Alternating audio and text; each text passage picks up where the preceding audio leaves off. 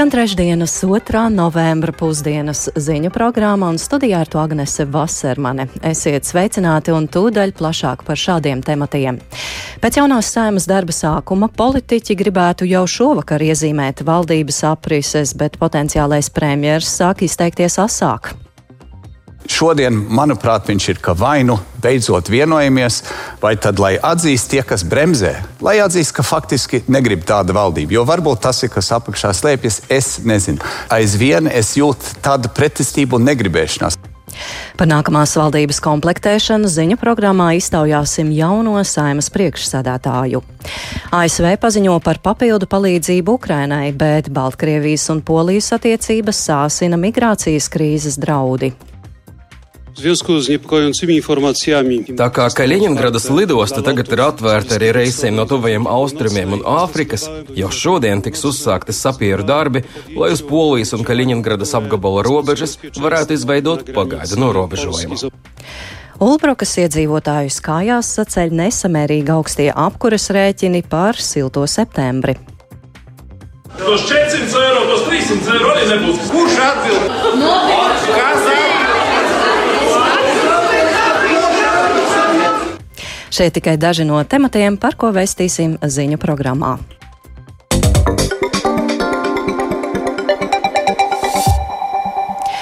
Joprojām turpinās valdības veidošanas sarunas un saimnes vēlēšanu uzvarētāji jaunā vienotība šodien uz tikšanos ir aicinājusi potenciālās koalīcijas sabiedrotos Nacionālo apvienību un apvienoto sārakstu. Sarunu mērķis ir vienoties par nākamās valdības sadarbības memoranda gala redakciju un arī valdības darbības modeli, un šī tikšanās ir plānota šodien pēcpusdienā. Vakar jaunā saima sanāca uz pirmo sēdi, un jaunais sāmas priekšsēdētājs Edvards Smiltāns no apvienotās saraksta jau izteicies, ka valdība ir jākomplektē ļoti operatīvi, lai atbilstoši tai sadalītu amatus saimas komisijās un atsāktu darbu kaut vai pie 70 likumprojektiem, ko jaunajai atstājusi iepriekšējā saima. Un ar Edvardu Smiltānu šajā brīdī esam sazvanījušies tiešraidē. Sveicināti! Sveicināti, labdien! Jā, vispirms, kā jūs vērtējat aizejošā un iespējamā jaunā premjerministra jaunās vienotības politiķa Krišjāņa Kariņa šā rīt izteikumus televīzijā, ka apvienotās sāraksta stīvēšanās, nu, Kariņa vārdi pret enerģētikas ministrijas izveidi varbūt nozīmē to, ka jūs nemaz šo valdību negribat? Tieši otrādi apvienotais saraksts jau no pirmās dienas ir mēģinājis veicināt pēc iespējas ātrāk virzīšanos uz valdības izveidošanu. Man tiešām ir liels gandarījums, ka šodien pirmo reizi, pirmo reizi kopš saimnes vēlēšanām sarunas notiek trīspusējā formātā. Šo formātu starp uh, Tātad Nacionāla apvienība apvienotais saraksts jaunā vienotība mēs esam uzstājuši jau konsekventi četru nedēļu garumā, vairāk kā četras nedēļas. Tas būtiski pātrināt valdības izveidas procesu, novērst savstarpējas kaut kādas pārpatumas pretrunas. Un beidzot šodien tas arī notiks. Mēs tiešām esam priecīgi par to. Mēs esam nonākuši pie 99,9% teikt tā vienošanās par pamatlietām, lai mēs varētu strauji virzīties jau pie valdības deklarācijas un citiem būtiskiem jautājumiem, lai noslēgtu jau faktiski šo valdības veidošanu.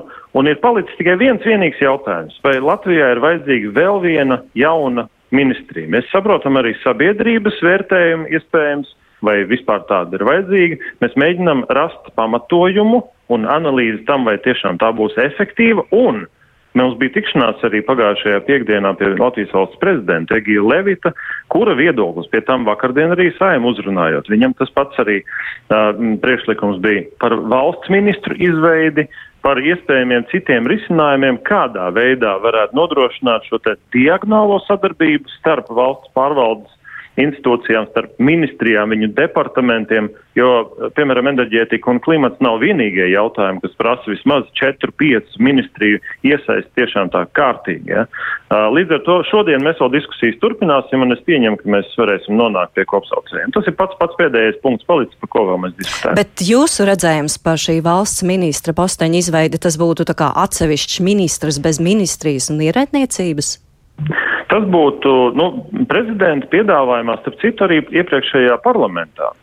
bija konkrēts jau likumprojekts, ko valsts prezidents bija virzījis, ka, kas paredzēja šādu valsts ministriju izveidi. Tas nav nekas jauns. Tāds, tā tas ir bijis vēsturiski Latvijā iepriekšējā periodā, kad, kad tādi, tādi tādi risinājumi ir arī bijuši. Un tas nozīmē, ka tas varētu būt ministrs ar balsts tiesībām, ar biroju, ar analītisko kapacitāti, bet viņam būtu iespēja strādāt ar daudzu ministriju departamentiem pat tiešo. Tātad tās ir jau tāda diagonālā pārvaldība. Tas, kas ir, to, ko apvienotais saraksts mēģina ienest šajā jaunajā valdībā, panākt to, ka nebūs tā kā pa vecam, ir, ka šī valdība strādā kopējo mērķu sasniegšanā kopā Nevis izveido uzreiz tādus feudālos lēņus, kur katram ir savas robežas, viens otru nelaiž iekšā, un visi jautājumi stāv, faktiski tādi būtiskākie jautājumi stāv, stāv sastingumā. Tas ir tas, ko mēs gribētu patiešām mainīt. Ja reiz mēs veidojam jaunu valdību, nesam iekšā jaunu kultūru un mēģinam arī iedibināt jaunas tādas dinamiskas tradīcijas, tad, tad mūsuprāt, ir vērts par to parunāt, lai sasniegtu beidzot mērķis. Mēs atpalicībā no Baltijas valstīm, mūsu kaimiņiem, mēs esam tiešām aizgājuši ļoti dziļi. Mums ir jārod šis lūzuma punkts, lai mēs arī no pārvaldības viedokļa spētu risināt šīs sasāpējušās problēmas. Jā, Smildēn kungs, par šīs pēcpusdienas tikšanos vēl īsi. Kā jūs prognozējat, vai šodienas sarunās jau varētu tā kā izkristalizēties atbildības joma sadalījums koalīcijas partneriem?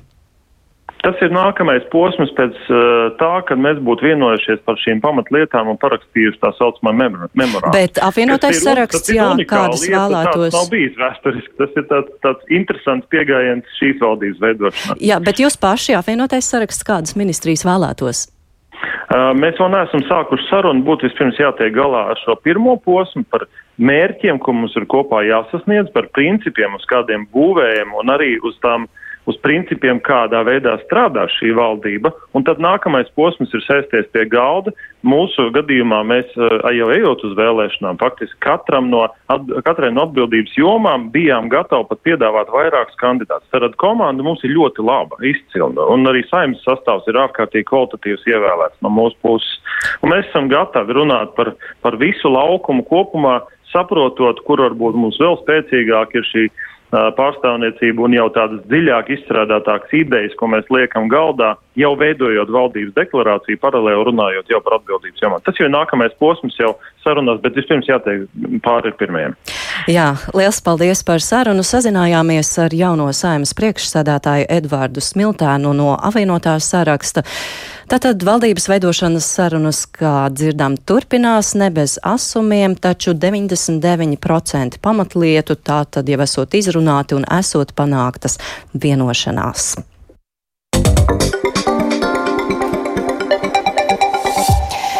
Un turpinām ziņu programmu par citiem tematiem. Tas, ka darba devējam ir jāsēdz darbinieki izdevumi, kas radušies pildot darba pienākumus, likumā ir noteikts jau sen. Šo jautājumu gan aktualizēja Covid pandēmija, kad attālinātais darbs kļuva par ikdienu, un šobrīd ir noteikts, ka darba devējs var kompensēt darbiniekam 30 eiro mēnesī par tiem izdevumiem, kas radušies pildot darba pienākumus attālināti, kā ar nodokļiem neapliekamu kompensāciju. Šobrīd gan sūdzības par darba devējiem, kas to dara, ir gaužām maz, taču uzraugus uztrauc cita lieta. Vairāk stāsta Kristaps Feldmanis.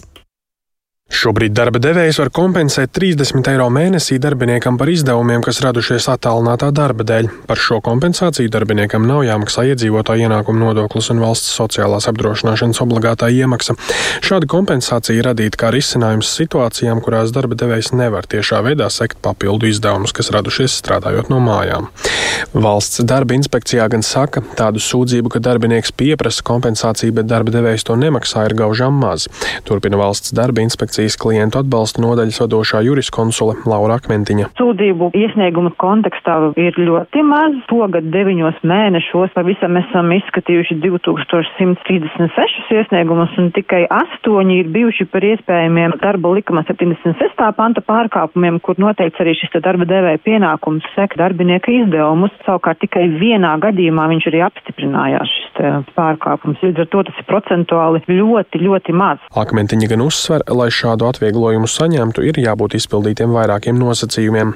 Galvenais - šādai vienošanās jābūt noteiktai darba līgumā vai darba devēja rīkojumā. Tāpat izaicinājums ir izvērtēt tieši cik lieli ir izdevumi un tie darbiniekam ir jāpierāda. Tiesības sarga biroja sociāla, ekonomisko un kultūras tiesību nodaļas vadītāja Ineta Rezevska uzsver, ja darbinieks darba vajadzībām izmanto privātos līdzekļus, tad darba devējam ir pienākums tos atlīdzināt. Tas noteikts likumā un tā bijis arī pirms pandēmijas.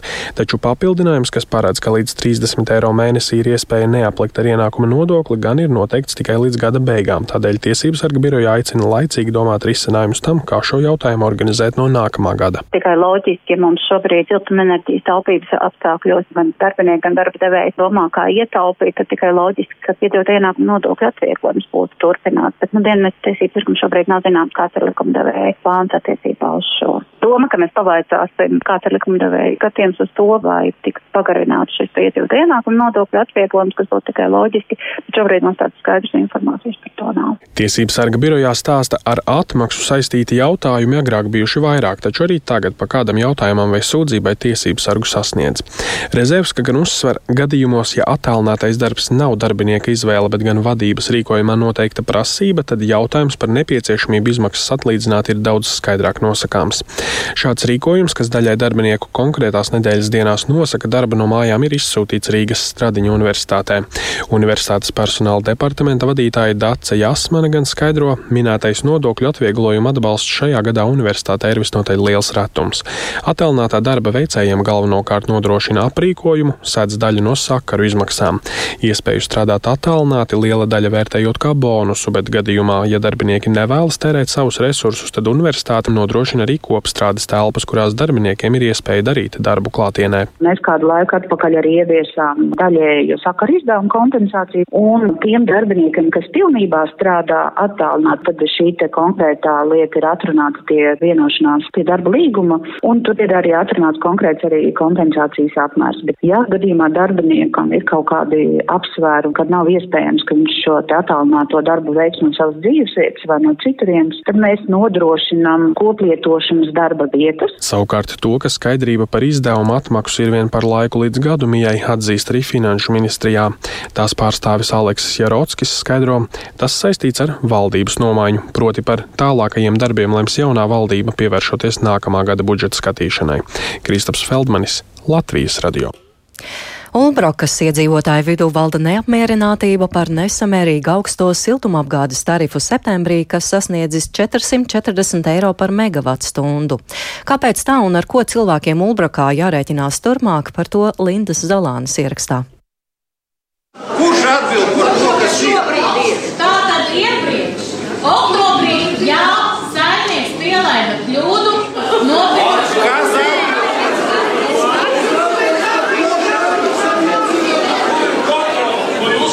pašvaldība darīsiet ar tiem cilvēkiem, kuri šos rēķinus samaksāt? Tos 400 eiro, tos 300 eiro arī nebūs samaksāt. Nav ar ko maksāt. Ar jūsu kļūdu. Mūsu nodu. Šādas kaislības pirmdien virmoja kultūras centrā Hulbrukas pērle, kurā bija sanākuši apmēram 200 vietējie iedzīvotāji. Viņi nav mierā ar ievērojamo septembra rēķinu, kad par siltā ūdens uzsildīšanu vien jāmaksā 440 eiro par megawatu stundu.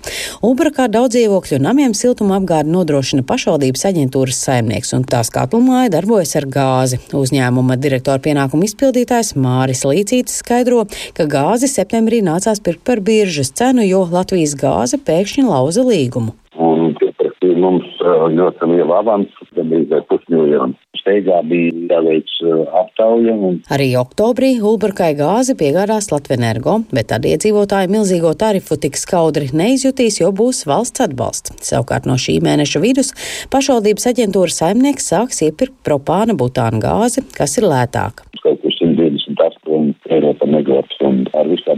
Uz jautājumu, ko siltumapgādes uzņēmums varēja darīt citādi, lai nebūtu tik liela iedzīvotāja neapmierinātība, Māris Līcītis pauž šādi. Jā, nu varbūt tā sapulce bija agrāk jārīko, bet nu, ko nozīmē sapulce, ka, piemēram, es pats to redzēju, kas notika, nu tā nav sapulce, tas ir tirgus ir mītiņš. Un tomēr informēti vai neinformēti Ulbruks iedzīvotājiem iespējīgo siltuma apgādes rēķinu par septembri nāksies sekt no sava maka un arī visu šo ziemu rēķināties, ka siltumu šajā apdzīvotā vietā vietā nodrošinās kurinot gāzi. Bet nākamajā apkurss sezonā Stopiņu pagastā trīs katlu mājas pāries no gāzes uz šķeldu un robežu novatā kopumā būvēs astoņas jaunas katlu mājas.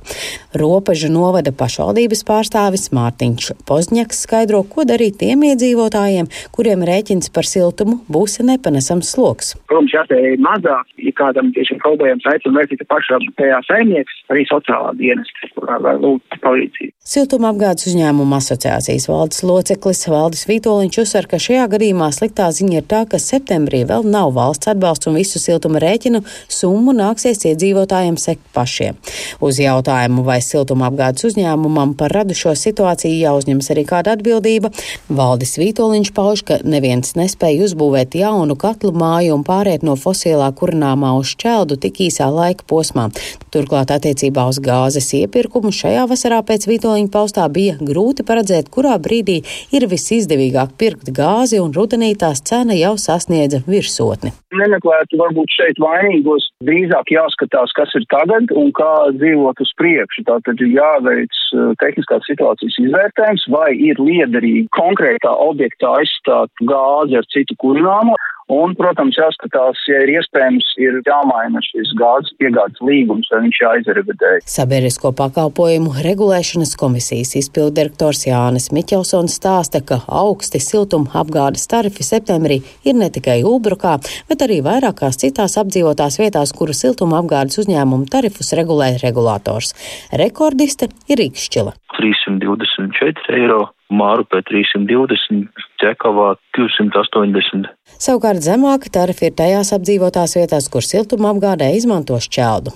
Jānis Miķelsons uzsver, ka no oktobra līdz aprīlim siltuma apgādē ir arī valsts atbalsts. Ja tarifs pārsniedz 68 eiro par megawatu stundu, tad daļa no šīs summas tiek kompensēta. Ja tarifs ir vēl augstāks, tad valsts nosedz lielāko daļu no augstās tarifu daļas. Linda Zalāne, Latvijas radio.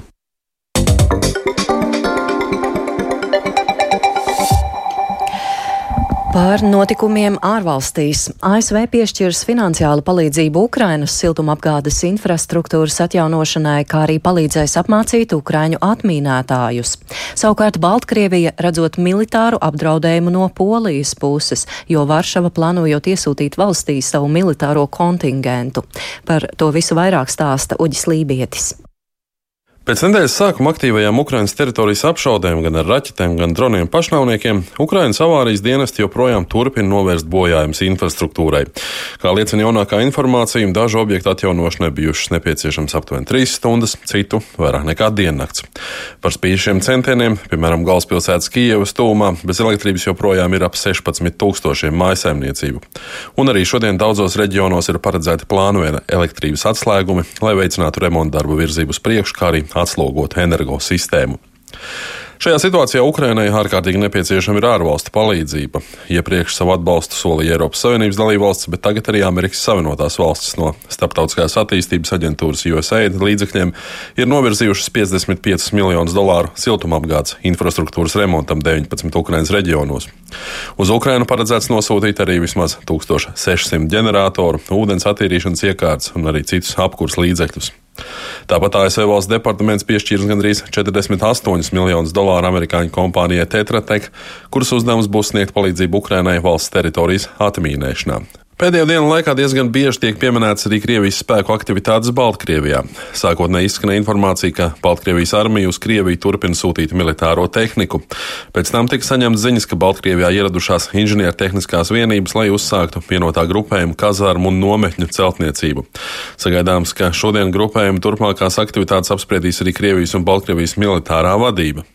Starp citu, Baltkrievijas valsts drošības dienestu vadītājs Ivans Tertels ir apgalvojis, ka viņiem esot zināms par Polijas plāniem ievest Baltkrievijā arī savu bruņoto kontingentu.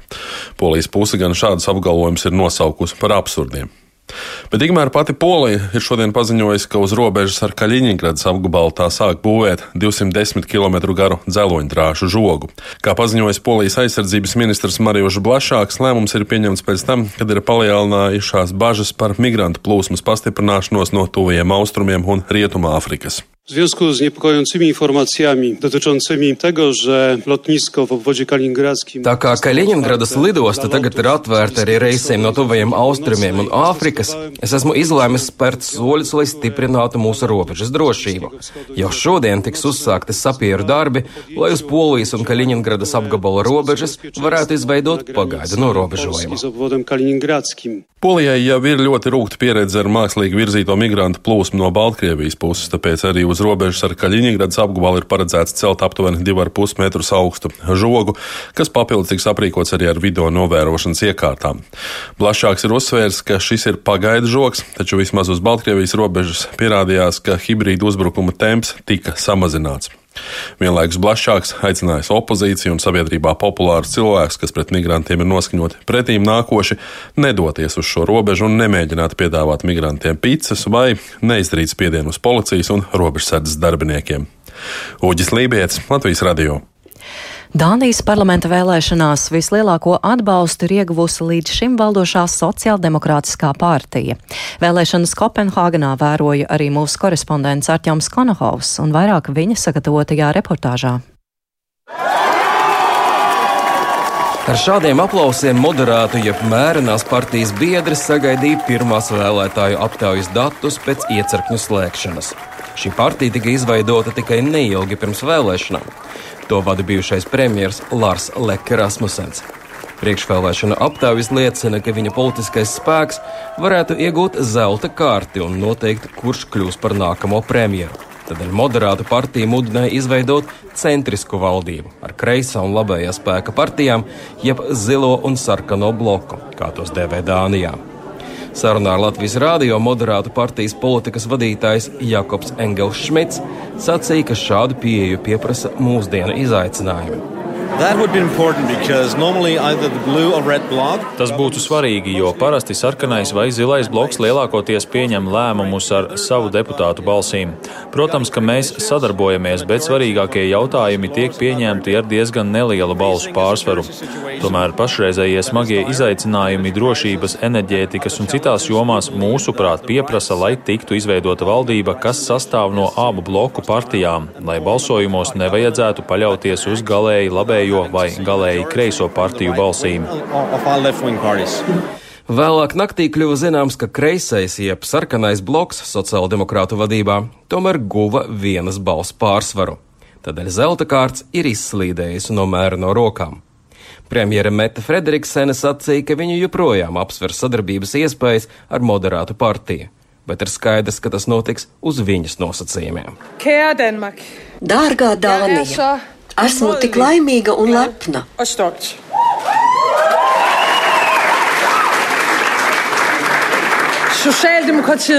Sociāldemokrāti, mums ir bijušas labākās vēlēšanas vairāk nekā 20 gadu laikā.